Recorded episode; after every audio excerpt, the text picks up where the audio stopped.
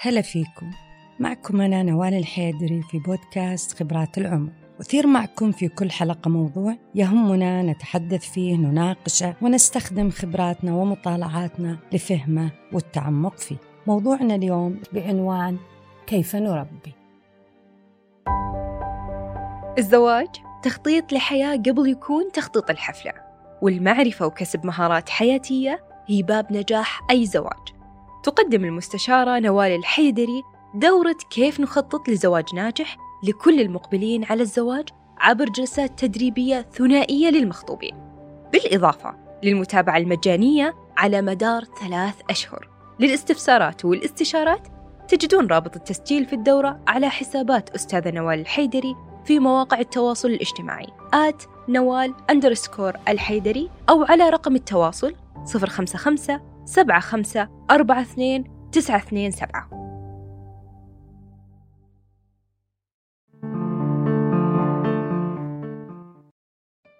من المعروف أن أهم دور يقوم فيه الوالدين هي تربية الأبناء ولكن هذا الدور من أصعب الأدوار اللي يقوم فيها الإنسان لأنه يكثر فيها الحيرة يكثر فيها الشعور بالعجز وأحيانا التأنيب. إحنا نحتار وش أفضل الطرق اللي نتعامل فيها مع أبنائنا. أحيانا نقف عاجزين عندما لا نعرف كيف نتصرف وأحيانا يؤلمنا تأنيب الضمير عندما لا نستطيع إيقاف ألم أو غضب أو بكاء طفلنا. هل كل ذلك لأن ما تعلمنا كيف نربي ولا كل ذلك لأننا ما نعرف الأمور اللي لابد أن نتعلمها؟ أو كل ذلك لأن هناك معرفة كبيرة جدا من حولنا لا نعرف أيهما الأصح. لذلك كله سنناقش كل هذه الأمور في حلقتنا اليوم وفي سلسلة من الحلقات بعنوان كيف نربي. حلاوته نايم ننا ننا كل شوية يكبر يكبر سنة سنة. والغلاوة تكتر والحب اللي بينا. يا مالك قلبي قلبي طعمته طعمته عشان نسوى حبة. كل شوية يكبر يكبر حبة حبة.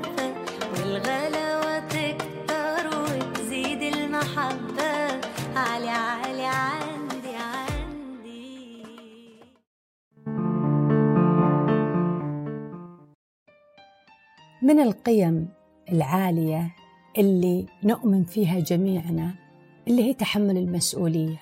وهذا ناتج من قيمنا الدينية اللي تحثنا على الاهتمام بمسؤولياتنا. فكلكم راعي وكلكم مسؤول عن رعيته. في تربية الأبناء من أهم المسؤوليات اللي إحنا نتحملها لأن نتائجها مهمة جدا لنا ولأبنائنا. فإحنا هدفنا ننشئ أطفال يكونون على قدر عالي من المسؤولية وأيضا أطفال عندما ننظر لهم نشعر بالطمأنينة إن إحنا قدمنا لهم ما يحتاجونه وبطريقة صحيحة. فإحنا مثلا نحتار هل نتعامل معاهم بشدة ولا نتعامل معاهم بلين وهل الشدة تنتج ناس مسؤولين جادين يقدرون يتحملون مسؤوليتهم أو هذه الشدة ستكسرهم تخليهم أشخاص غير واثقين من أنفسهم يشعرون بأنهم غير محبوبين. وأيضا هل التساهل يجعلهم واثقين أكثر ويقدرون يتحملون المسؤولية؟ أو أن إحنا يوم نشد ويوم نرخي كل هذه الأمور تخلينا نقول لازم نتعلم ونختار إيش اللي نتعلمه. المعرفة واسعة العلم متسع والنظريات كثيرة وخبرات الناس أكثر اللي تقدم لنا. ولكن عشان نشعر بالثقة في تعاملنا مع أبنائنا نحتاج أن نكون نتقدم بخطوات واثقة وصلبة وكل ذلك إذا تعلمنا الطريق الصحيح للتربية. فمن أهم الأمور اللي نحتاج نتعلمها أن التغير الاجتماعي اللي نعيشه يخلينا نقول نحتاج نغير في طريقة التربية في الأوامر والنواهي فقط اللي نفرضها على الأبناء لا يمكن أن تستمر بنفس الشكل. نضع حدود ولكن لا نكون متشددين جدا في وضع هذه الحدود. نضع حدود ولكن لا نضع حواجز. الأسلوب المتسلط والمتشدد في التعامل مع الطفل لا يبني ثقة. وفي نفس الوقت لا نحتاج التساهل لأن هذا التساهل ممكن ينتج أبناء ضعيفين لا يستطيعون تحمل المسؤولية ويعتقدون إن الحياة لابد أن تكون سهلة وأن يخدمون. في الثواب زي زي العقاب إذا سيطر على تربيتنا. إحنا نحتاج مجموعة من الأسس على أساس إن إحنا نتعامل فيها مع أبنائنا. لأن التساهل يؤدي إلى فوضى في السلوك والعقاب الدائم يجعل الأبناء يخضعون لما نريد في وجودنا فقط خوفا من العقاب. إحنا نحتاج تربية تشاورية تربية قائمة على الاحترام المتبادل وعلى حفظ إنسانية أبنائنا. كل فرد من أفراد العائلة يستحق الاحترام ويستحق أنه يعطى حقوقه. من حقوق أبنائنا علينا ان إحنا نربيهم بطريقة آه، واعية وبشكل ليس فيه قسوة وليس فيه تساهل ولكن التوسط بين الحالتين. والاهتمام بالطفل يحتاج أن إحنا نسمح له بحرية الاختيار، حرية الاختيار مو بحرية الاختيار في الأمور المصيرية لكن نبدأ من الطفولة إنه يقرر مثلا ملابسه، يقرر متى يبغى يحل واجبه يقرر متى يدخل الحمام يقرر متى يطالع التلفزيون ومتى نوقفه متى يشوف الآيباد ومتى ما يشوفه. هذه كلها نبدأ فيه إنه يتعلم يتخذ قرارات. إحنا نبغى نربي فيه ضبط الذات ولا نربي فيه انه فقط يطبق ما يؤمر فيه. لازم إنه يناقش لأن إذا كان يتصرف على حسب خوفا من العقاب أو نظرا للثواب فان معناه إن ضبطه يكون خارجي وليس داخلي. لذلك إحنا نحتاج إن إحنا نفهم سلوكيات أطفالنا. إحنا إذا لاحظنا السلوكيات نقول دائما انتشر عندنا الآن إحنا كأمهات دائما يقولون عيالنا مزعجين سلوكهم مزعج متمردين غير متعاونين وينتشر كذا الكلام وكأن السلوك الطبيعي لأطفال اليوم أنه نتوقع منهم السلوك السيء ونتقبله لاعتقادنا ما نقدر نعدله.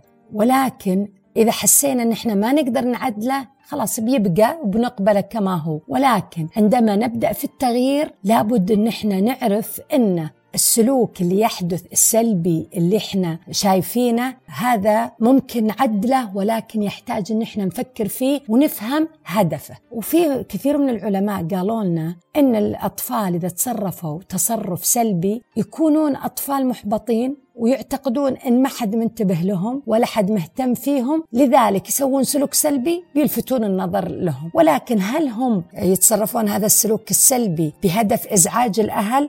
هم هدفهم فقط. يقولون للأهل إحنا موجودين؟ فأحد العلماء قسم سلوك الأطفال اللي هو إن إحنا نسميها سلوك غير سوي أو سلوك يسبب مشكلة. هدفه إن الأطفال يبغون لفت الانتباه. ولكن هو عطانا مجموعة من السلوكيات اللي لازم نركز عليها عشان نفهمها.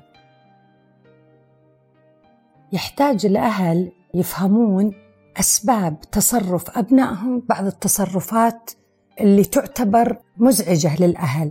الملاحظ إن بعض الأبناء طول وقتهم يبغون يصيرون مركز الاهتمام، طول الوقت يحاولون يجذبون انتباه الأهل حتى لو كان بطريقة سلبية. يعني أحيانا يلفتون نظر الأهل بالإلحاح بالأسئلة أحيانا بالبكاء أحيانا بالالتصاق. أحيانا نتائج السلوك اللي يسويها الأبناء هدفها هي فقط أن تقول جذب الانتباه وعشان أعرف أنا كيف أحدد وش هدف طفلي أشوف مشاعري أنا. إذا أنا شعرت بالإنزعاج وحاولت تعديل سلوك الطفل بإني أقول له ما يصلح كذا بعد كذا اجلس كذا حبيبي سو كذا وأنا بعطيك كذا. فان الطفل يكون خلاص حصل على الانتباه. يعني تصرفي يدل على طفلي وش يبغى.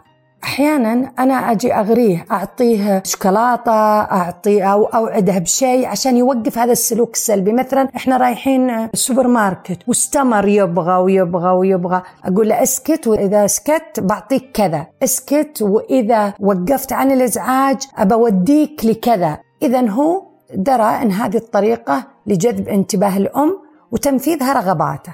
وعشان نساعد أطفالنا اللي يهدفون الحصول على الانتباه نحتاج أن إحنا نغير ردود فعلنا. عشان نثبت لهم أنهم يستطيعون أن يأخذون مكانتهم وتميزهم عن طريق شيء إيجابي مو عن طريق الشيء السلبي. لذلك إحنا لازم نركز على السلوك الإيجابي.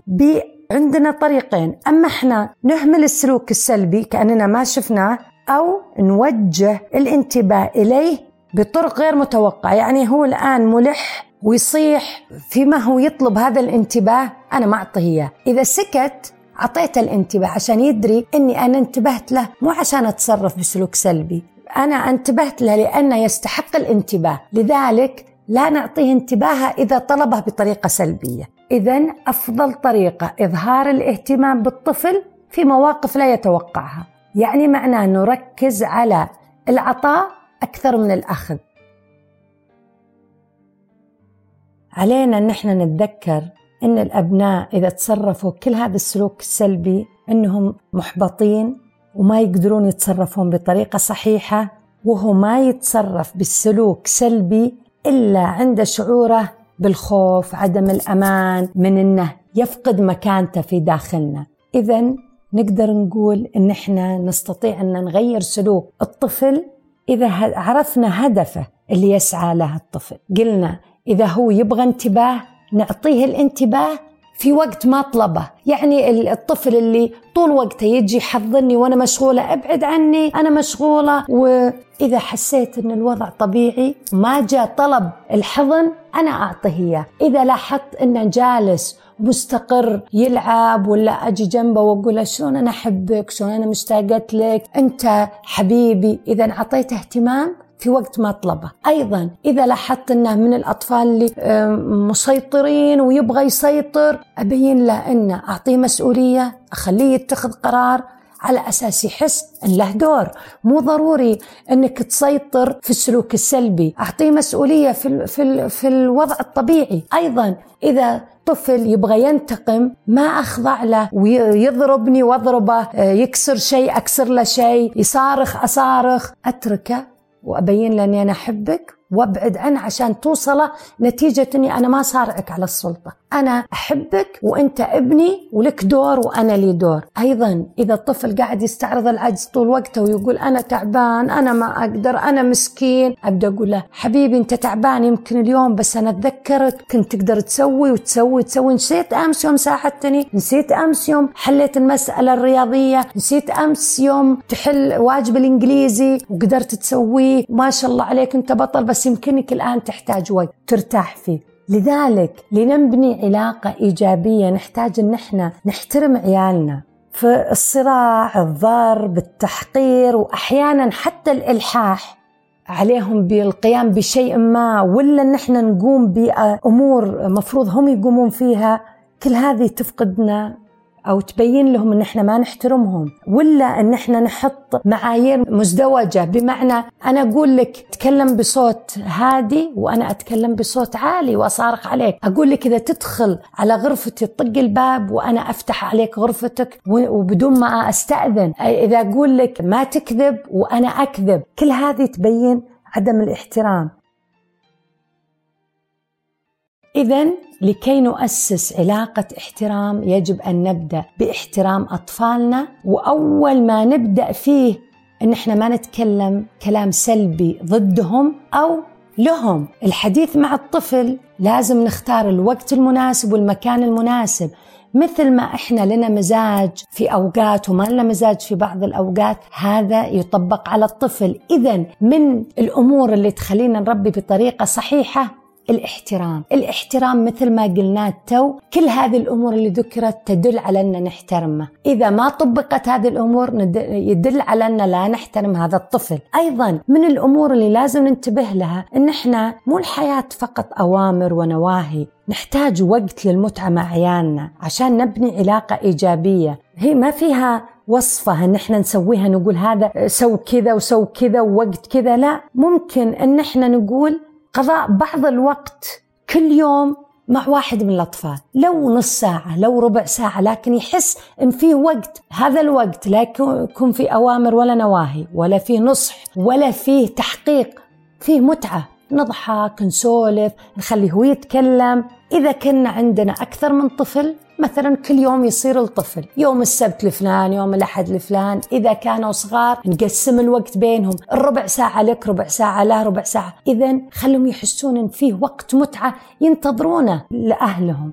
ونحتاج إن إحنا نقول للطفل وش تحب من وقتك هذا وش نسوي فيه؟ مثلا هم بينامون الربع ساعة دي وش تحب نسوي؟ يقول لك قصي لي قصة قولي لي نكتة يقول للأب تكلم لي عن السيارة. إذا نتكلم معاه وش يبغى هذا الوقت. أيضا يحتاج الطفل أن إحنا نثق فيه وعشان يبني ثقته بنفسه. وعشان يشعر الطفل بالكفاءة يحتاج إلى التشجيع. والتشجيع يعني بناء علاقة مسؤولة بينه وبين نفسه.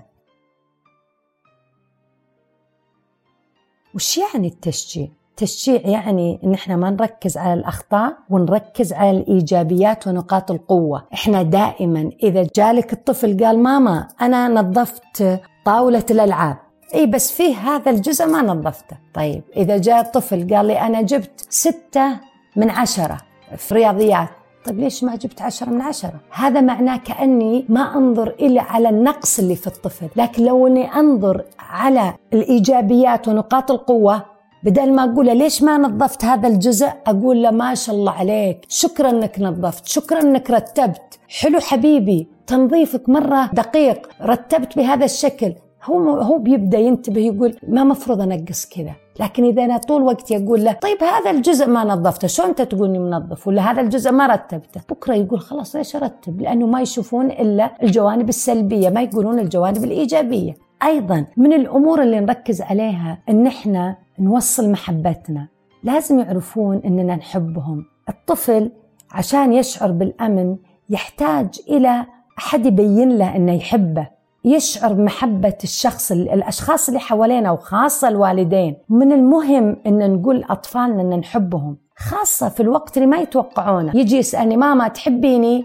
إيه أحبك حبيبي. بس هذه ما هي هي الأساس اللي هو يبيها. هذه ما تكفيه وتلاحظين أنه يستمر. تحبيني؟ صحيح تحبيني. لكن أنت تقولين له في وقت غير متوقع غير ما يسأل كذا في أي جلسة تقولين حبيبي شلون أحبك؟ أنت تدري كيف أنا أحبك؟ أنت خليت حياتي حلوة أنت خليت أحد يتكلم معاي أنت خليتني أحس إن أنا مهمة. خليه يحس إنه له دور وإنه له مكانة. يجي الأب يقول واه يا الله أنا انبسطت إني صرت أب لأن أنتم عيالي وأنا أحبكم. اذا نعبر عن طريق الكلمات نعبر عن طريق اللمس نعبر عن طريق الاحتضان. كل هذه الأمور تبين لهم إحنا نحبهم. أيضا إحنا نحتاج كأهل إن نعرف إن نقدر نوصل حبنا لأطفالنا. آه، عن طريق إن إحنا نبين لهم إننا نحبهم عشان هم حتى يبينون لنا إن إحنا ماشيين صح في تربيتهم. أخيرا لابد من أمور إن إحنا نركز عليها في نهاية موضوعنا. اولا إن نقول إن إحنا لنربي لازم نصبر. كل خطوة تحتاج صبر. أيضا لابد أننا نركز على الأسلوب التشاوري لأنه يساعد كل أفراد الأسرة أنهم يكونون مسؤولين وعندهم قدرة على اتخاذ القرار. أيضا لابد أن إحنا ما ننسى الاحترام بيننا وقلنا وذكرنا وش الأمور اللي تبين احترامنا لأطفالنا. لازم إن إحنا نتذكر كأهالي إن في هدف اجتماعي لكل سلوك يسويه طفلنا وبالأغلب السلوك غير السوي اللي يسويه الطفل. نرجع ونذكر السلوك غير سوي. وشو؟ إنه يبكي باستمرار ما يوقف عن الطلبات يعاند واحيانا يبين إنه ما يقدر وما يعرف. اذا لازم نعرف كل سلوك من سلوك سلوكيات الغير سوية اللي يسويها الطفل له هدف. إذا فهمنا الهدف عرفنا نغير هذا السلوك. أيضا ردود فعلنا ومشاعرنا تجاه السلوك اللي يتصرف عيالنا تبين لنا وش هدف الطفل. إذا أنا غضبت يعني يبغى يسيطر. إذا أنا بديت أقنع وألح وسو ولا تقول فهو هدف الانتباه. إذا بديت أقول حبيبي أنت لا معليش معناه لأني رحمته. هذا دين قاعد يستعرض العجز. إذا نقدر نعدل سلوك طفلنا إذا غيرنا وعدلنا في سلوكنا. عيالنا إذا صاروا مسؤولين هم نتاج أهل مسؤولين أيضا. إذا أساء الطفل السلوك لازم أن إحنا نتصرف بعكس ما يتوقعه الطفل. يعني الطفل يتوقع أنك بتصرخ اسكت لا تصرخ. يتوقع الطفل أنك بتضرب وقف لا تضرب. لذلك دائما بين أنك مهتم ومقدر الحلو اللي سواه إلا إذا كان هدفه جذب الانتباه. إذا هدفه جذب الانتباه تجاهله. لكن إذا سوى شيء حلو حتى كان هذا الحلو غير مكتمل أنا هدفي التشجيع. إذا اليوم قلت له حبيبي ما قصرت سويت كذا كذا كذا حتى لو فيه نقص معناه بيبذل جهد أكثر عشان ياخذ تشجيع أكثر. دائما مثل ما قلنا إذا نركز على الإيجابيات والقوة اللي عند الطفل بدل ما أني أركز وأبحث عن الأخطاء.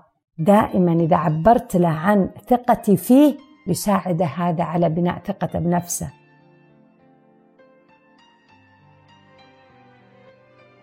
لا ننسى إن إحنا نؤثر في أبنائنا بالأغلب الأطفال اللي يحاولون يسيطرون يكونوا متأثرين بأهل يحاولون يسيطرون. ونتذكر دائما إن الأطفال اللي يبينون إنهم ما يقدرون يسوون شيء هم أطفال فاقدين الثقة في قدرتهم لأن إحنا ما بينا لهم إن إحنا واثقين بقدرتهم.